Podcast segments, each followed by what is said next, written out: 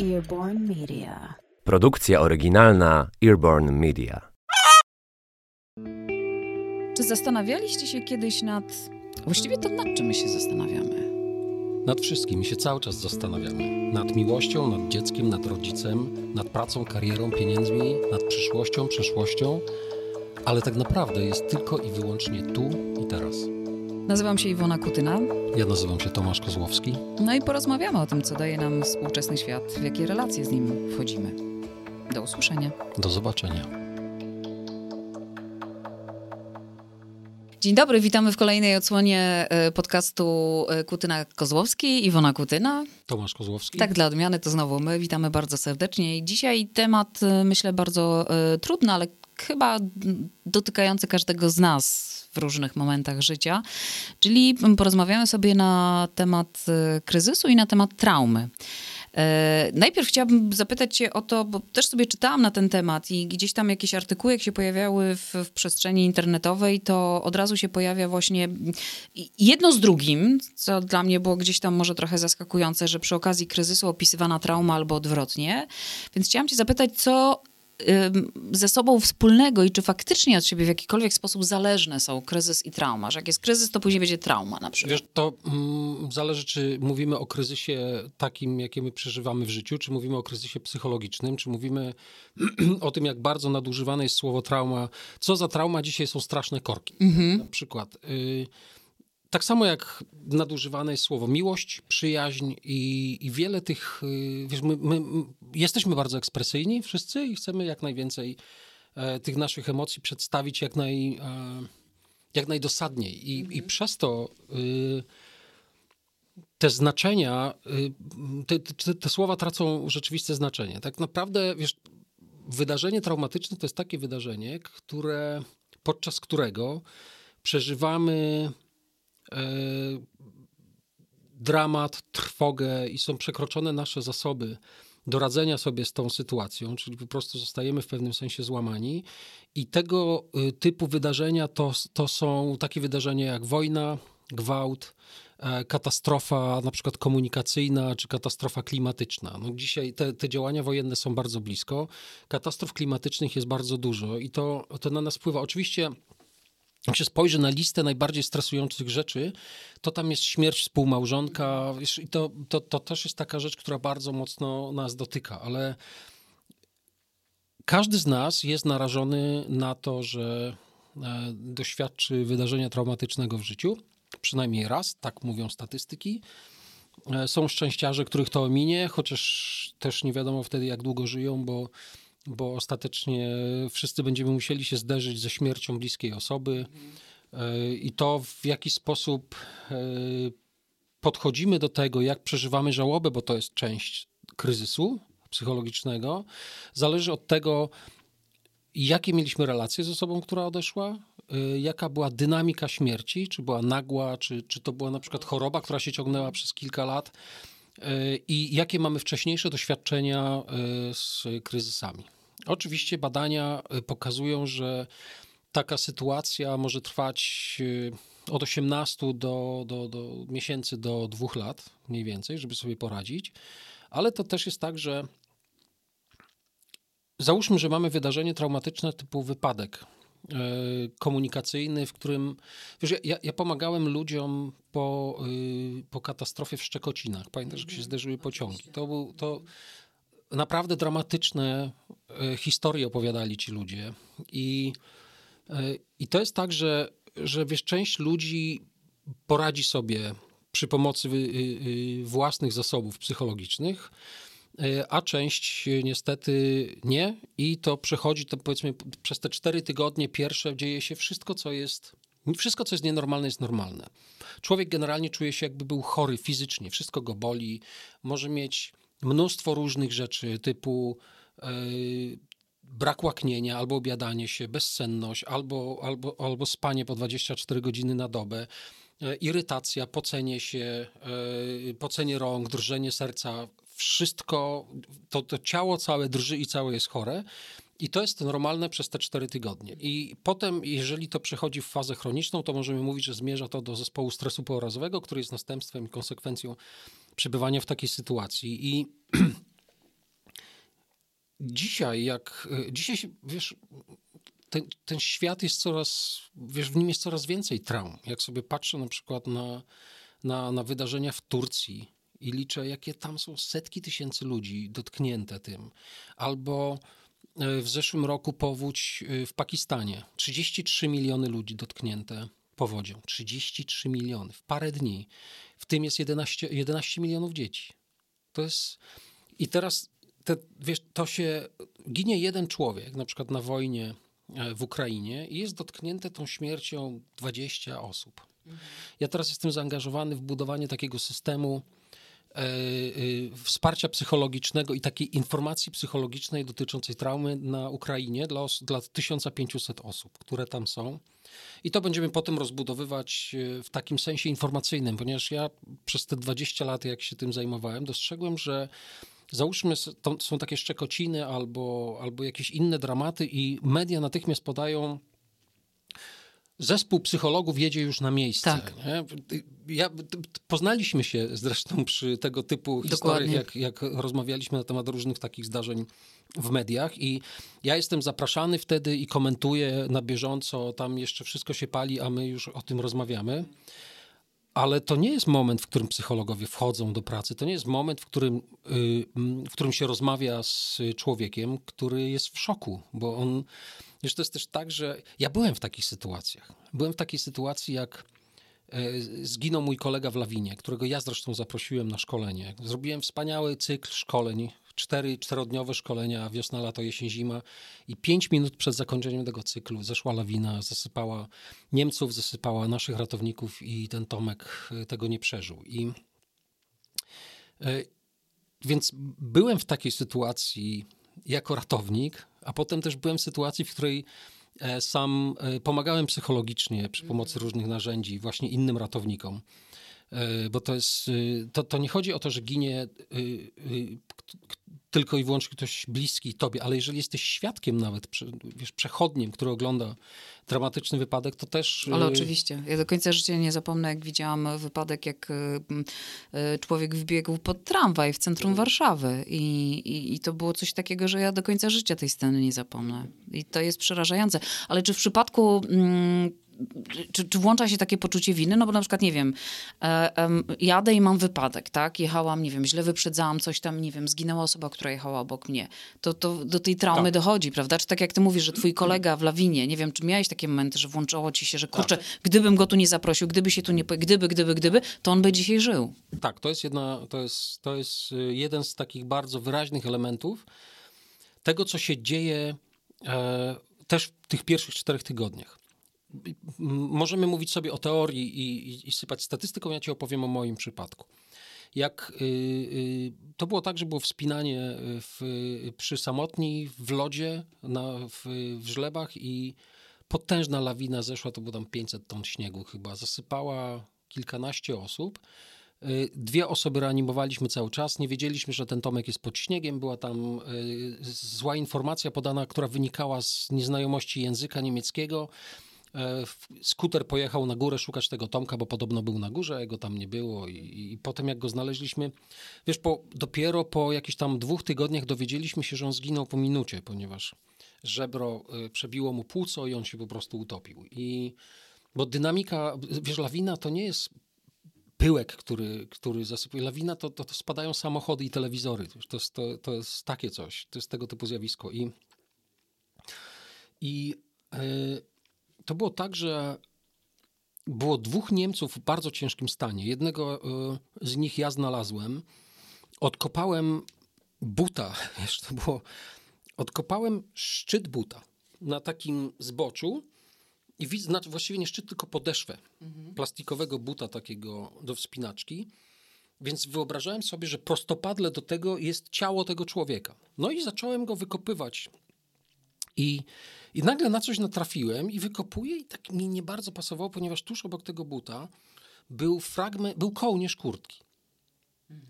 I on był po prostu tak połamany, że miał głowę obok tego buta, czy, czy, czy nogę właściwie, to wykręconą o 180 stopni przy twarzy. Ja mu tę twarz odkopałem, musiałem ściągnąć rękawiczki, żeby, żeby go nie poranić.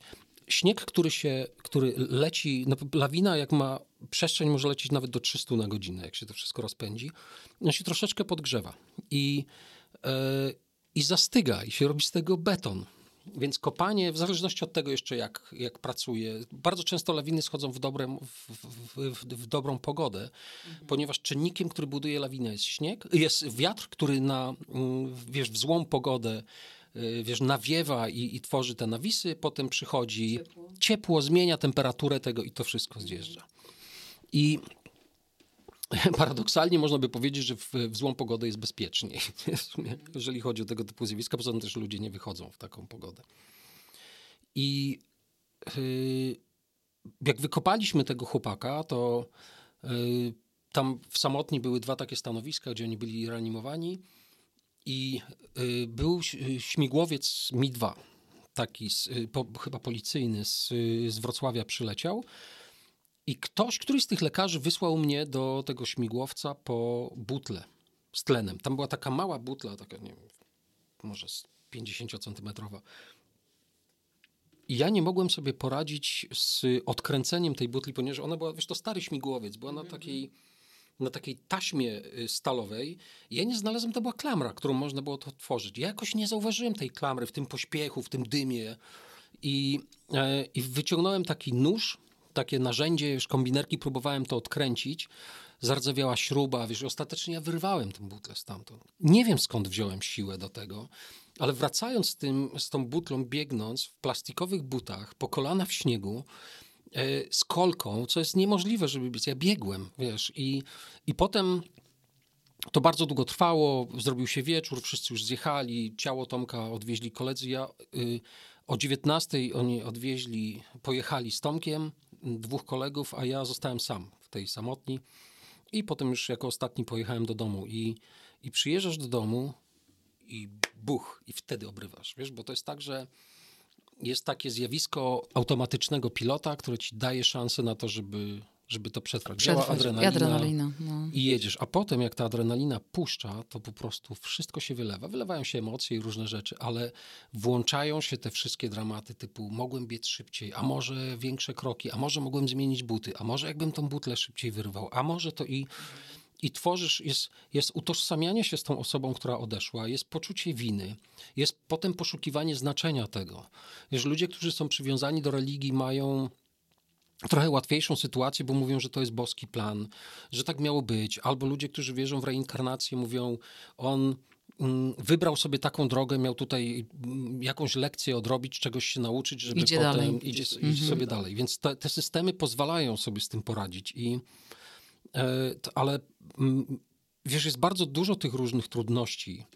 E, to poszukiwanie znaczenia, wiesz, nie, nie, ma sensu w tym wszystkim, nie? Ginie młody człowiek i w tym nie ma sensu. No dobrze, to, to, jak zahamować te mm, kłębiące się myśli właśnie z, z, z, tym poczuciem winy na, na czele i te miliardy pytań, które w głowie się kotłują? Y, wiesz, mm, wysłuchać tego, o czym mówimy. Bo jeżeli wiesz, że, że to, co się dzieje w tobie jest normalne i na przykład wiesz, jak powstaje atak paniki?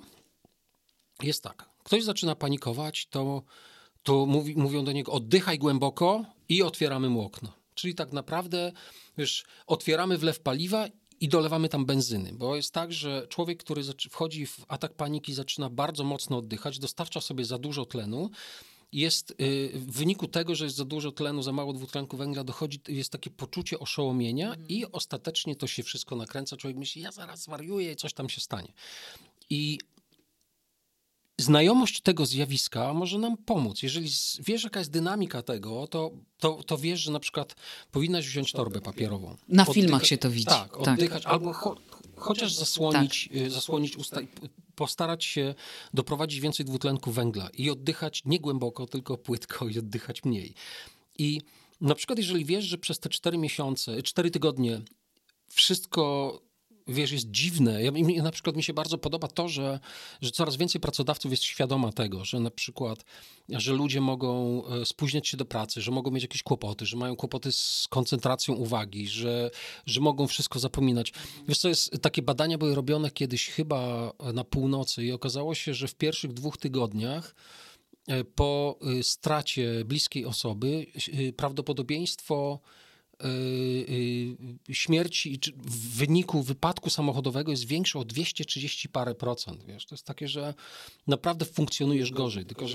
No tak, ale jedni, przynajmniej ja tak miałam, że po, po stracie kogoś bliskiego, że jakby gdzieś tam lekarstwem było... y, Znaczy, dla mnie najgorszą rzeczą jest to, co też gdzieś tam się pojawia w jakiej przestrzeni publicznej.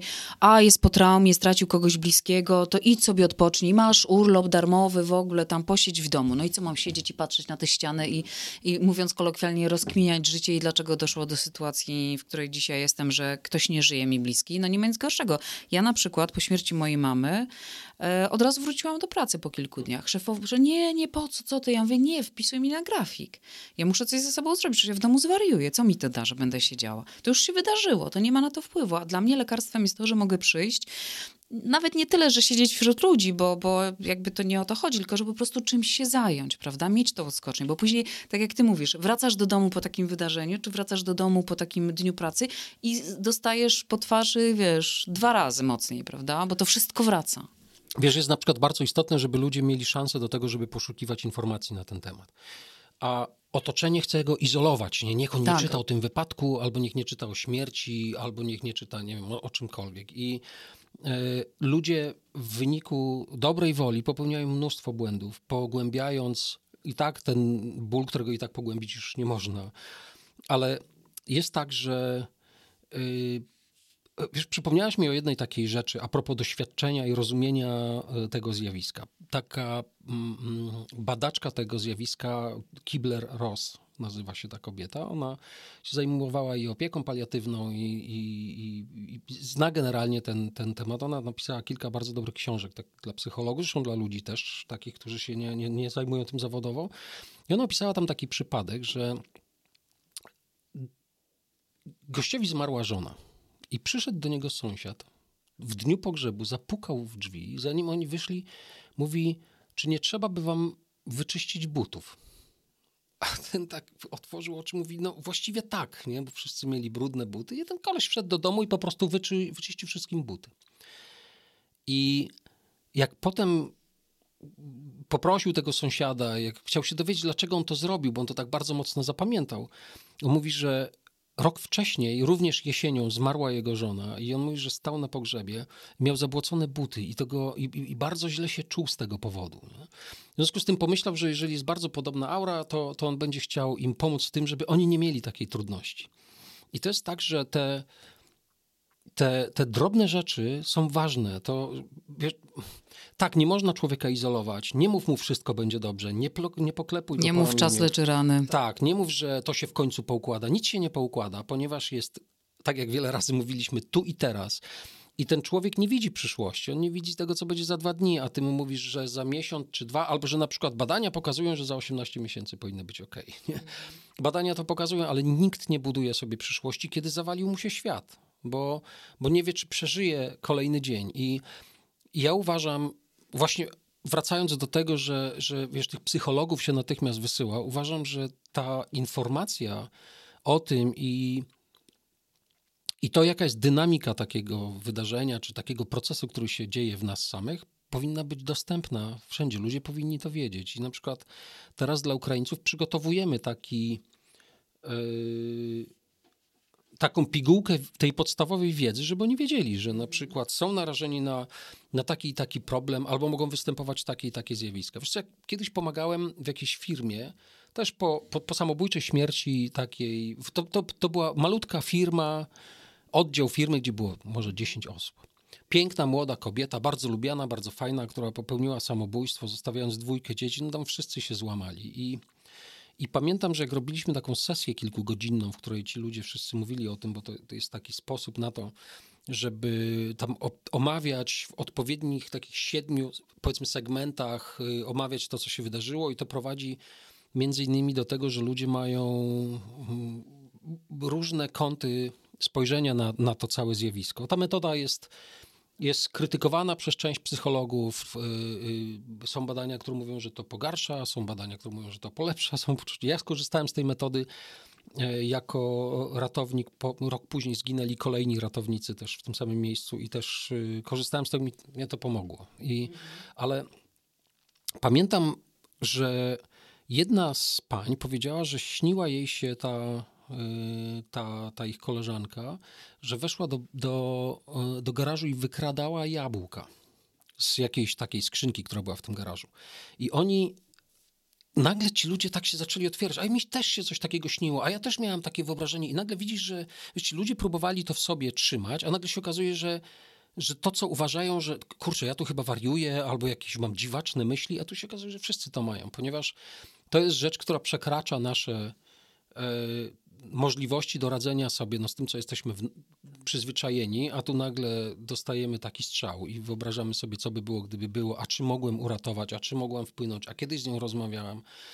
Wiesz, ja też miałem taką sytuację kiedyś, jak mieszkałem w Jeleniej Górze, na samym początku mojej pracy jako psycholog, chyba w pierwszym roku, chodziliśmy pod blokiem, taki był bar. Czasami chodziliśmy sobie tam z sąsiadem wypić piwo. I był tam w tym barze, pracował młody chłopak, tak, z 20 parę lat, który był y, tak dobrze zbudowany i tam rozmawialiśmy o jakichś treningach, bo to były takie czasy, że tam w, piwnicy miało się sztangę i próbowało się coś robić.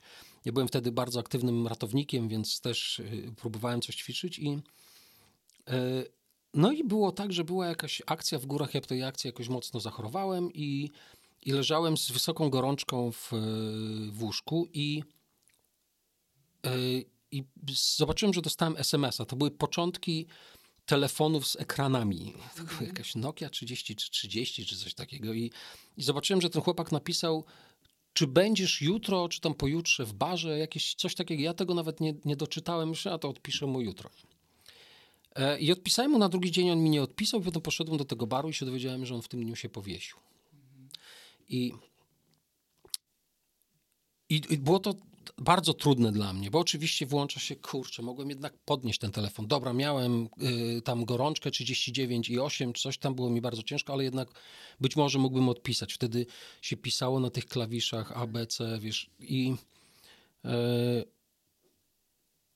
i to jest tak, że tak, może bym mu pomógł. Może by tak było, a może był tam ktoś inny, kto dołożył do tego, do, do, do, do, tego ognia. Wiesz, ten taki proces, bardzo często jest tak, że proces śmierci samobójczej trwa. I on, y, y, I on może trwać nawet dwa lata, i ten człowiek w pewnym sensie do tego zmierza. E, ale poczucie winy jest y, jednym z takich bardzo wyraźnych następstw przebywania w tej sytuacji. I wiesz, potem jest tak, że w, w, tak naprawdę w pierwszym dniu od tego momentu potrzebujesz schronienia, świadomości, wiesz, dachu nad głową, posiłku. E, potrzebujesz tego, żeby zapewnić podstawowe potrzeby. Potem na drugi dzień, na trzeci dzień próbuje się zrozumieć dynamikę tego zjawiska, tego, co się wydarzyło, jak to się wydarzyło, dlaczego.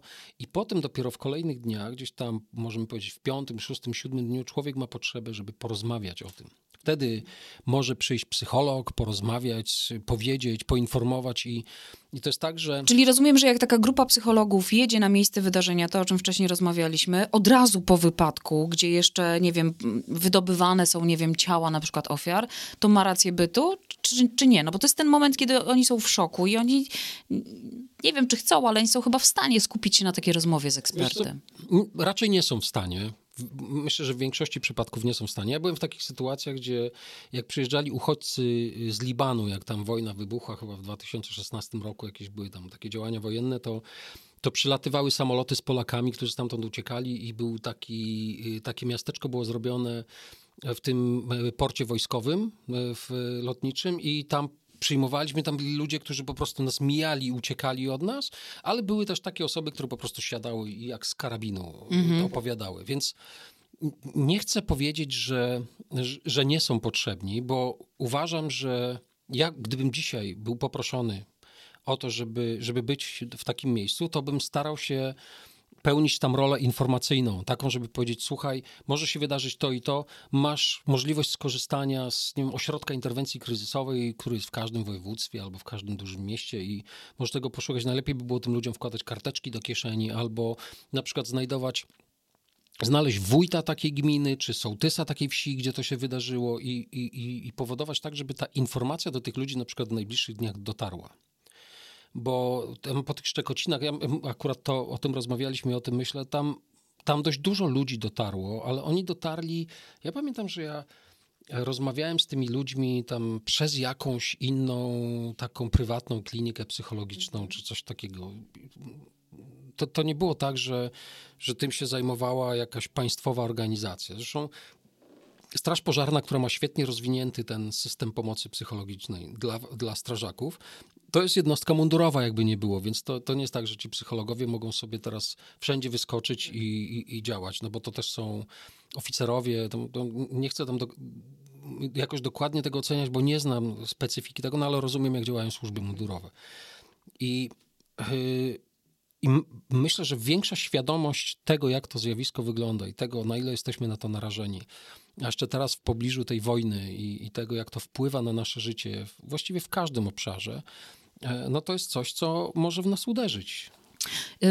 Czy według ciebie każdy narażony jest na traumę? W sensie takim, no, wydarzenia mogą być różne w życiu, ale czy z takiego psychologicznego punktu widzenia są ludzie, którzy mogą być, e, nie wiem, dużo bardziej odporni i o ile pojawi się forma, nie wiem, właśnie jakiegoś kryzysu spowodowanego jakąś sytuacją, to, to nie przyrodzi się to, w, w, czy nie, nie będzie w jego życiu żadnej traumy, bo on, bo on jest tak zbudowany i tak, nie wiem, odporny emocjonalnie, że, że ta trauma po prostu u niego nie wystąpi. Znaczy, wiesz co, to jest tak, że ta żeby to y, uściślić, mówimy o wydarzeniu traumatycznym, które prowadzi do konsekwencji psychologicznych, które mogą być na przykład jednostką chorobową, taką jak zespół stresu pourazowego, mhm. który jest cichym takim, wiesz, to się tak...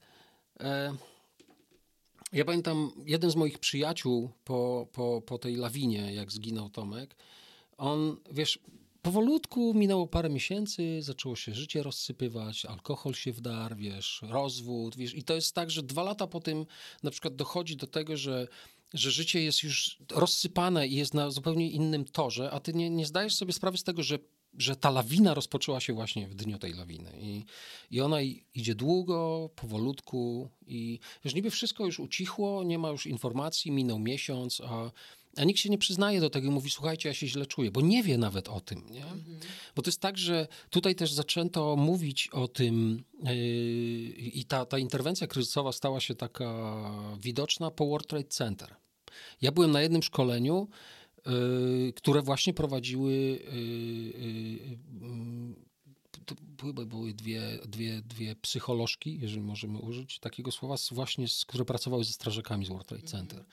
I one miały ogromną wiedzę, taką właśnie, e, wiesz, podawały też takie przykłady z życia, bo, bo, bo, bo, to była taka trochę też teoretyczna wiedza dla mnie przynajmniej. Ja się wtedy zacząłem, ja się zacząłem tym zajmować w ogóle po śmierci Tomka właśnie, mhm. kiedy, kiedy mm, była taka sytuacja, że ja byłem e, też jedynym ratownikiem, psychologiem w Polsce i zacząłem rozumieć, że że, że mogę spojrzeć na to zjawisko z dwóch stron. I to właśnie się wydarzyła jedna lawina, druga lawina World Trade Center i to się tak wszystko poskładało i ja naciskałem właśnie w pogotowiu górskim, żeby, żeby pomagać ratownikom. I i potem widziałem, jak, jak, jak różne służby z tym pracują już od lat, tylko że to jest zawsze po cichu, ale ludzie umierają wszędzie i wypadki się zdarzają wszędzie. Wiesz, polskie drogi są najbardziej niebezpiecznymi drogami w Europie. I ja w zeszłym tygodniu albo dwa tygodnie temu jechałem z Pauliną i widzę, kurczę, wypadek, widzę światła i widzę, że e, reanimują człowieka i, i, i krzyknąłem do Pauliny, żeby zamknęła oczy, żeby na to nie patrzyła, bo ten widok zostaje. I e, ja, ja to widziałem, widziałem z jaką siłą ten człowiek e, resuscytował tego, tego poszkodowanego i no, jestem w stanie jakoś zrozumieć, na ile trudna to jest sytuacja dla, jak, no wiesz, no yy, nie chcę być w tej sytuacji, nie chcę na to patrzeć, nie chcę, chciałbym ratować dzisiaj ludzi w inny sposób, taki jak, wiesz, robiąc globalne kampanie pomocowe albo w taki sposób już yy, swoje 17 lat w tych górach byłem. I to jest Wiesz, ja, ja, ja też się otarłem o to PTSD. Wiem, jakie to są trudy. Wiem, że to nie jest proste. Wiem, że każdy człowiek może być złamany. Tak jak, jak powiedział Kulej, że nie ma zawodników niezniszczalnych, są po prostu jeszcze nie trafieni odpowiednio i to, i to tak jest. A mm, co sądzisz na temat, też często się, tak jak mówiłeś na samym początku, że gdzieś tam nadużywamy pewnych sformułowań, właśnie czy kryzys, czy trauma, czy miłość i tak dalej. I trauma też mi się skojarzyła z takim sformułowaniem, że trauma z dzieciństwa, tak, że o, ty masz traumę z dzieciństwa, bo ty jesteś dzisiaj taki i taki i masz problemy w życiu, w, nie wiem, w relacjach, w związkach, w czymkolwiek, sam ze sobą i tak dalej. I to, że jesteś w takim punkcie swojego życia, to jest efekt tego, że masz jakąś traumę z dzieciństwa. Tak, tak może być. Bardzo często się tak E, I zdarza. to się tak zdarza. To, czy, czy, no, domyślam się, że dziecko, mm, nie wiem, wielokrotnie mocniej e, przyjmuje te, te, te, te wszystkie ciosy, które mogły mieć wpływ na tą, jak domyślam się, traumę, no bo obserwując nawet to, o czym wcześniej też rozmawialiśmy, a, nie wiem, kłócących się rodziców, awanturujących się rodziców, nie wiem, też może śmierć kogoś bliskiego, prawda, mamy czy taty i tak dalej. I, czyli rozumiem, że takie traumy z dzieciństwa absolutnie są i później to pokutuje gdzieś Odkładają tam się. Tak, w dorosłym życiu. Mhm. Bo to jest też tak, że wielu rzeczy nie pamiętamy. I e, ja, ja też miałem takie sytuacje. Kiedyś byłem, nie pamiętam co to, co, co to było. Poszedłem do koleżanki, która się zajmuje refle, le- refleksologią, Asia taka.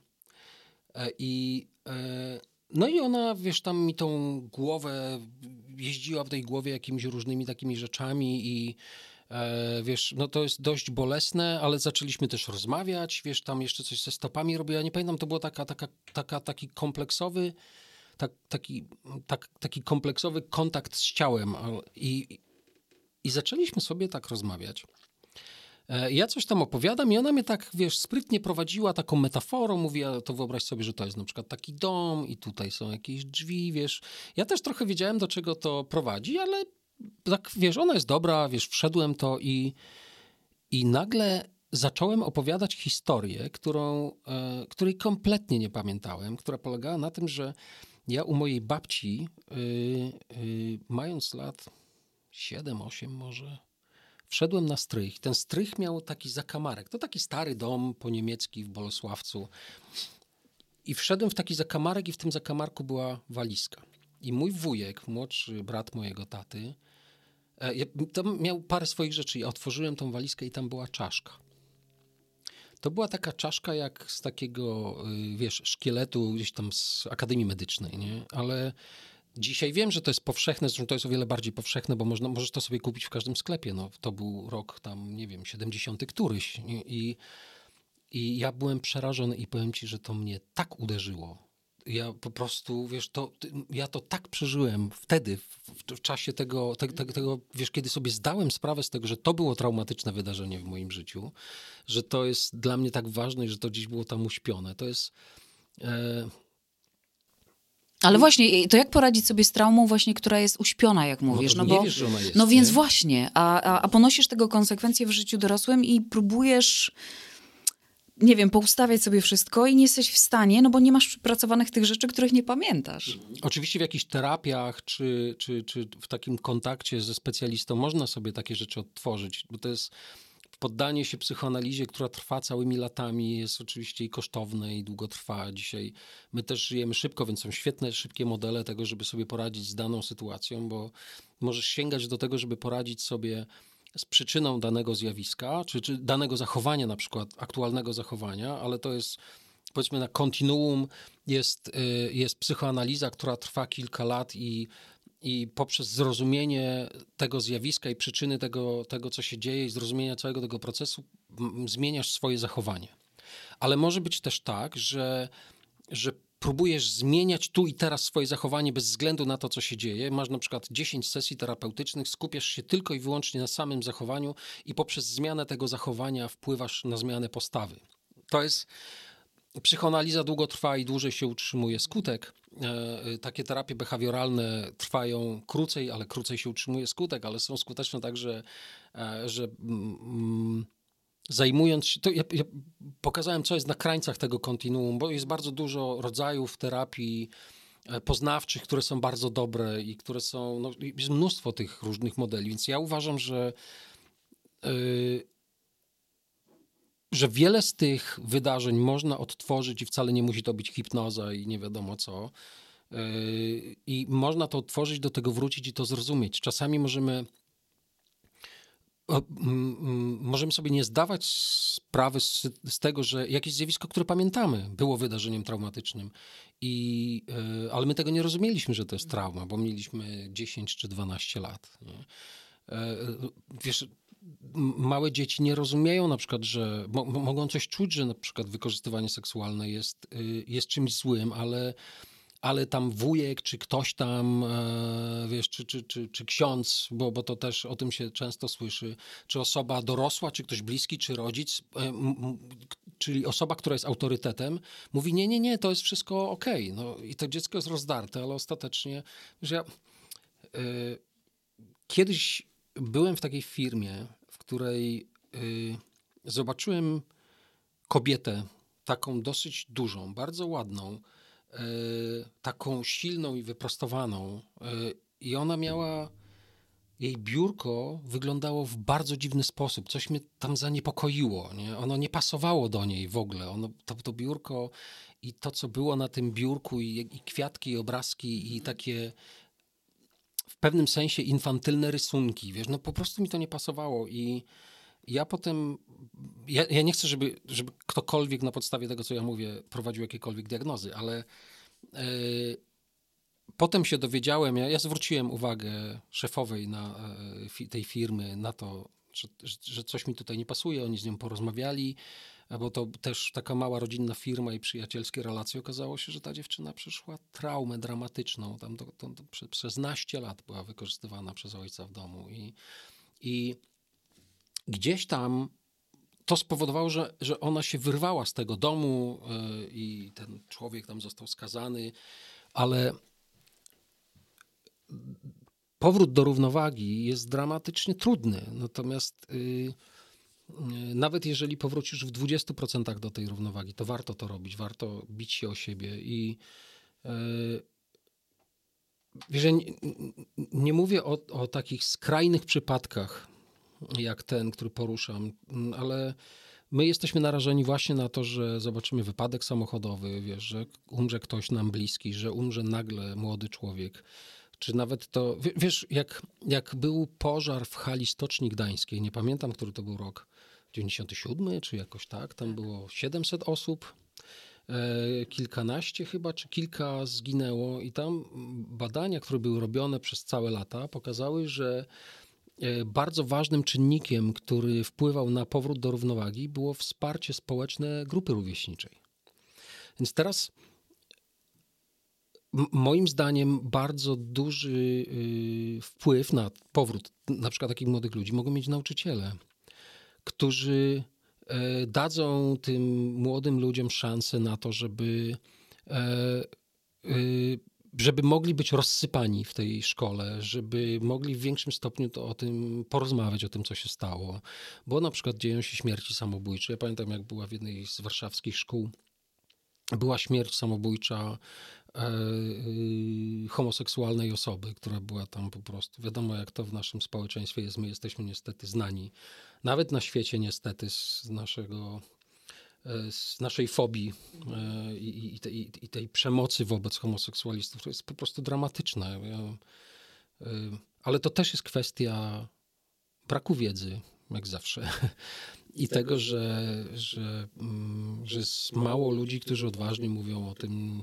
No, i- czyli takie i rozwiązanie systemowe i tego, co rodzice w domu powtarzają, prawda? Bo, bo em, ostatnio rozmawiałam z bardzo fajną reżyserką, która mm, mówiła mi o tym, że ma mm, syna, który poszedł właśnie do, do szkoły. E, A ponieważ w jej otoczeniu ma bardzo bliskich przyjaciół, e, którzy są parą, e, parą homoseksualną, no i on wychowany w tym duchu poszedł do tej szkoły i zaczął się kłócić jakaś awantura z innym dzieciakiem, który twierdził, że, że nie ma czegoś takiego jak związek czy tam małżeństwo dwóch panów, bo czegoś takiego nie ma. Że musi być zawsze y, kobieta i mężczyzna, nie? A on uparcie twierdził, że jak to? Przecież to jest normalne. Ja znam takich ludzi, ja tym swoim językiem oczywiście dzieciaczka opowiadającym i był y, zszokowany, że wiesz, chodzi o to, że był wychowany, czy jest wychowany przez swoją mamę, która ma takich przyjaciół i dla niego to jest absolutnie coś normalnego. Nagle wchodzi w ten system, jest wrzucony i jest mu wmawiane, to akurat, nie wiem, koledzy, ale za chwilę otwiera, mówi książeczkę do nauki i tam jest mama, tata, tak? E, I nagle po prostu ten świat zostaje wywrócony jego do góry nogami, bo mu jest wmawiane, że taka relacja, gdzie on obserwuje ich od, od niemalże urodzenia i widzi, że to jest normalna, fajna relacja, nie ma prawa istnieć. I to jest straszne i przerażające, bo takie dzieciaki są strasznie wypaczane. No. Oczywiście, że tak, ale jeżeli prezydent naszego kraju mówi, że, że to jest ideologia e, i jeżeli minister edukacji, wiesz, prze e, do, do dyskryminowania tych grup i, i, i zapisy, które są w podręcznikach o tym, że to jest e, że to jest zboczenie czy zwrodnienie, nie pamiętam jakie tam było słowo użyte, to jest, to, to jest straszne, bo e, wiesz, demokracja, moim zdaniem, taka, ta piękna demokracja to jest, pokazuje prawa i szacunek dla mniejszości, a nie większości. To o to chodzi, żeby, żeby dbać o mniejszości i mi chodzi o, o liczebność tych ludzi i o to, że jest przyzwolenie na to, żeby y, wiesz, jeżeli są gminy w Polsce, w których wolne od LGBT, i tego się jakoś nie piętnuje i dopiero ci ludzie ściągają te tabliczki, wójtowie, czy jak tam wygląda ta struktura, dopiero wtedy, jak nie dostają dotacji unijnych, no to, to, to znaczy, że, że, że dopiero trzeba im odebrać coś, odebrać pieniądze, żeby też zrozumieli, że to nie są ich pieniądze, tylko je dostają, to wtedy dopiero... Więc to jest tak, że ta postawa nie jest zmieniona. Ono w dalszym ciągu są homofobami, tylko że po prostu zabierane są im pieniądze. I udają, że nie są. Tak, i to jest. Y, my nie zmienimy postawy tych ludzi, my możemy zmienić ich zachowanie, właśnie poprzez odebranie im środków na przykład, ale my jako rodzice mamy, y, mamy wpływ nie na to, jak edukujemy te dzieci, tylko w sposób, w jaki mówimy w domu. Podam ci przykład, jak mój Adam miał lat 7 chyba i przyszedł ze szkoły i mówi: Wiesz, bo ta Żydowa, to ona coś powiedziała. Ja mówię, kto? On mówi, no wiesz, taka, oni mówią Żydowa, nie? On nawet nie wiedział, że dzieci mówią na nią Żydowa, bo tam była dziewczynka z Izraela i w związku z tym, że my nie jesteśmy antysemitami i nie ma u nas takiego słowa w domu, to on tego nie rozumiał, więc on myślał, że to jest, to jest każde inne słowo, jakby powiedzieć na przykład, że to jest, nie wiem, długowłosa dziewczyna.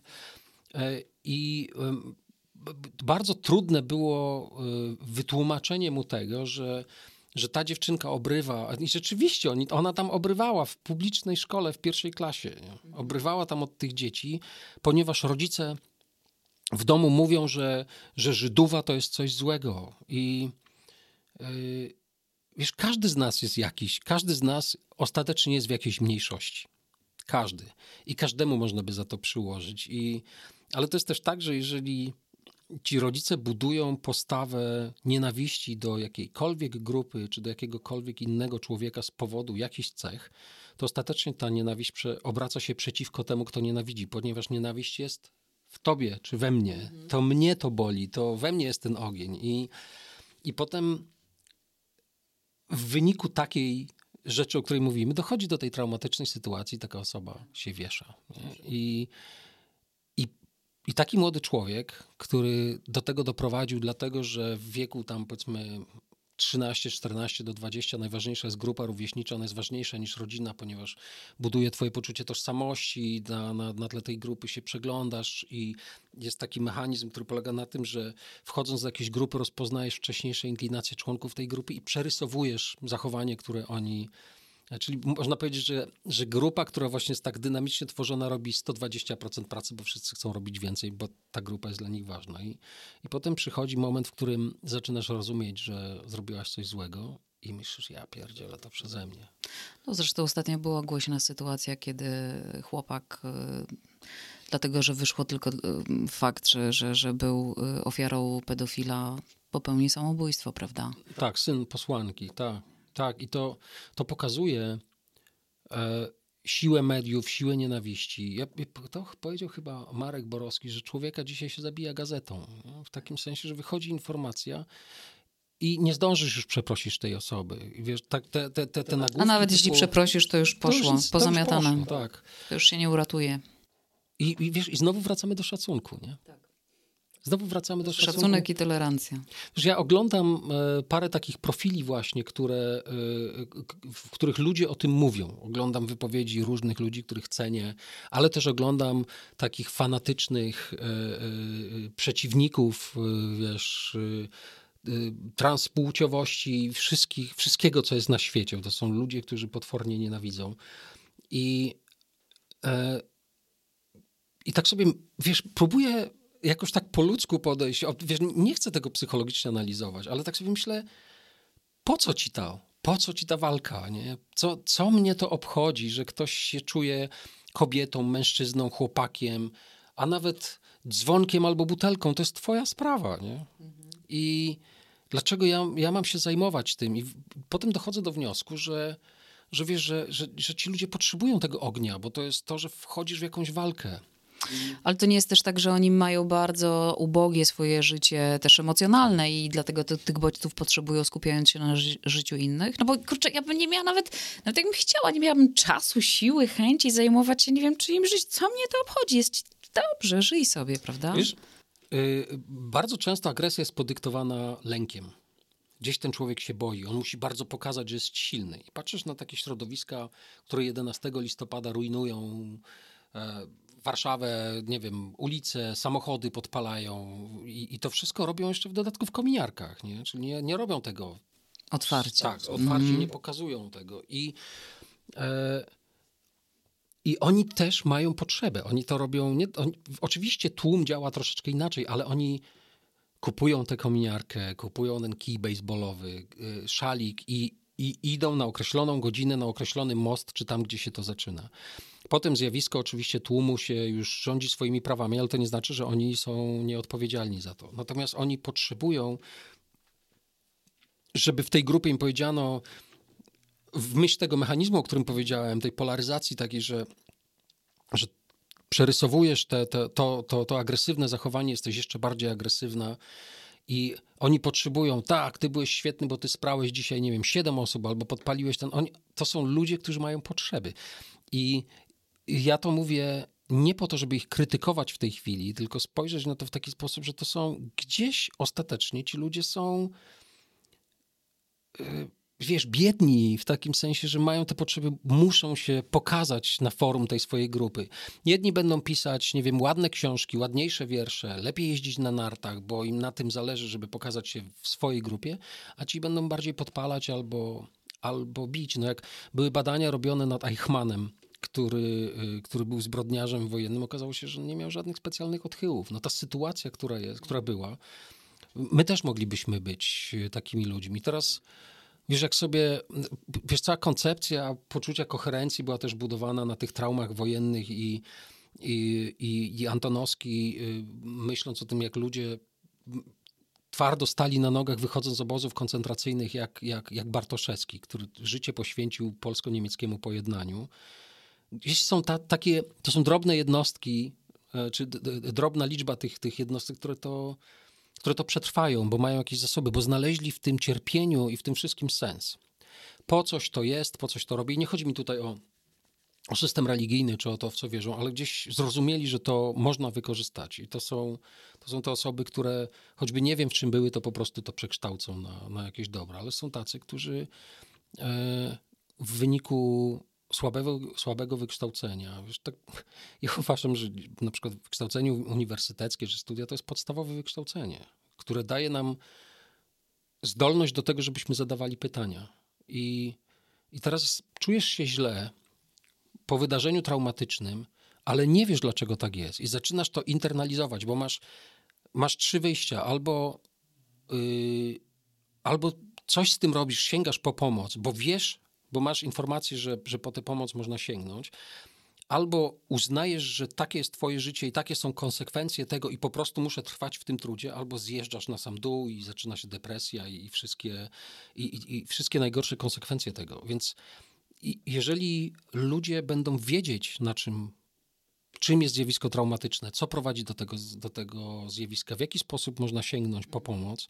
I to, że na przykład, e, jeżeli ktoś, kto nas słucha, przeżył tego typu wydarzenie, jest mu źle, rozsypało mu się albo rozsypuje życie w obszarze zawodowym, społecznym, towarzyskim, seksualnym, rodzinnym, jakimkolwiek innym, to warto sięgnąć po pomoc. Po prostu. I to czasami, to wiesz, rozumienie tego zjawiska interwencji kryzysowej prowadzi też do tego, że raz, e, zapobiegamy występowaniu zespołu stresu pourazowego, e, zapobiegamy chorobom somatycznym i absencji w pracy i wiesz, takiego wykluczenia z, z życia społecznego w każdym obszarze.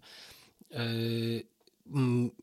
wiesz, to jest redukcja lęków związanych z poszukiwaniem pomocy, jest redukcja lęków związanych z tym, że obawiamy się, że będziemy spostrzegani przez otoczenie jako wariaci, jako wiesz, osoby chore psychicznie. Nie? Jest, jest mnóstwo jednostek chorobowych i mnóstwo chorób psychicznych, na które możemy cierpieć, a nie zdajemy sobie nawet z tego sprawy. Ale dopóki ktoś nie postawił diagnozy, nie dał nam tabletek, to nie jesteśmy wariatami. A, a dzisiaj życie jest naprawdę trudne i, i rzeczywiście wszyscy jesteśmy narażeni na to, na wystąpienie z takiego zdarzenia. I, I oby wiedza na ten temat, która ostatecznie prowadzi do tego, żeby spotkać się na godzinną sesję z człowiekiem, który powie: Słuchaj, jest taki i taki procent zagrożenia takim i takim zjawiskiem.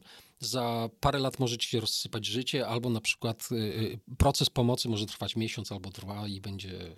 Wszystko Tak, zresztą ja normy. myślę, że właśnie ta wiedza to jest podstawa, bo y, dzięki temu nie będziemy się bali i wstydzili pójść do psychoterapeuty czy psychiatry po pomoc. Na szczęście to się zmienia, chociaż y, chyba jeszcze daleko nam do y, ideału, ale myślę, że warto próbować. Wiesz, jaka jest różnica między dobrym aktorem a dobrym psychologiem?